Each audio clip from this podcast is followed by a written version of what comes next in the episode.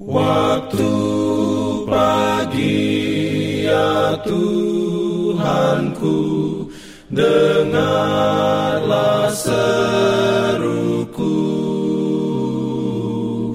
Melayang doa yang sungguh Memandang padamu.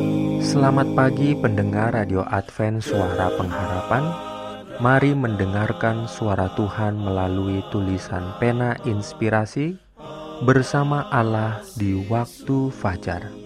Renungan harian 7 September dengan judul Allah merindukan hati yang menyesal. Ayat inti diambil dari Mazmur 51 ayat 19. Firman Tuhan berbunyi, Korban sembelihan kepada Allah ialah jiwa yang hancur, hati yang patah dan remuk, tidak akan kau pandang hina, ya Allah.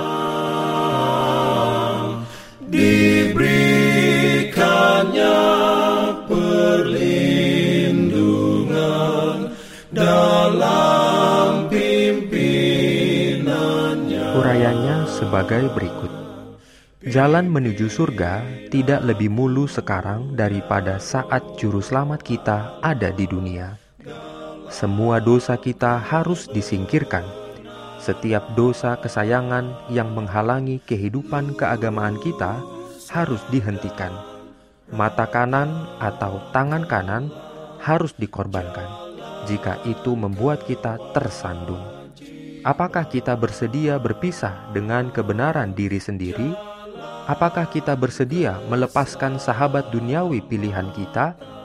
Setiap hubungan yang kita bentuk memberikan pengaruh pada kita.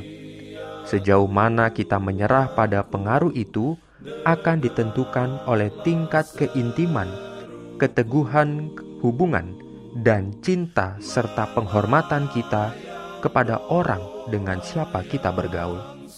Jadi, lewat perkenalan dan pergaulan dengan Kristus, kita dapat menjadi seperti Dia, satu-satunya teladan tanpa celah. Tidak ada bentuk lahiriah yang dapat membuat kita bersih. Tidak ada tata cara yang dilaksanakan oleh orang yang paling suci dapat menggantikan pembaptisan Roh Kudus. Roh Tuhan harus melakukan pekerjaannya di hati Roh Kristus akan dinyatakan dalam hidup semua orang yang lahir dari Allah.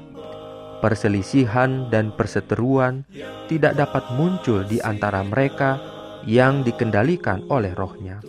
Berbicara hal-hal rohani tanpa keseriusan, berdoa memohon berkat rohani tanpa kelaparan jiwa yang nyata, dan iman yang hidup tidak banyak membantu. Orang-orang yang mendekat kepada Kristus tidak menyadari kekuatan dari hubungan itu. Tetapi ketika wanita yang malang dan menderita dalam kebutuhannya yang besar mengulurkan tangannya dan menyentuh ujung jubah Yesus, dia merasakan penyembuhan. Ia memiliki sentuhan iman. Amin. Shalom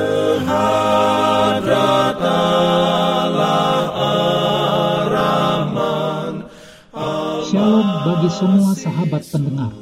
Kabar baik bahwa kisah dan kesaksian terkait siaran dan pelayanan AWR Indonesia kini dapat diikuti secara berkala, baik melalui siaran harian Radio Advent Suara Pengharapan setiap minggu kedua dan keempat, juga melalui YouTube dan Facebook AWR Indonesia.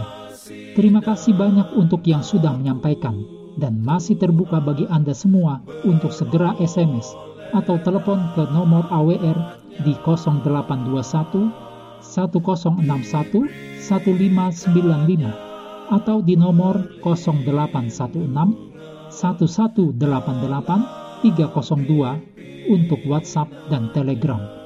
Kami tetap menunggu dukungan Anda. Pimpin aku ya roh Allah dalam Jangan lupa untuk melanjutkan bacaan Alkitab sedunia. Percayalah kepada nabi-nabinya yang untuk hari ini melanjutkan dari buku 1 Samuel pasal 1. Selamat beraktivitas hari ini. Tuhan memberkati kita semua. Jalan keselamatan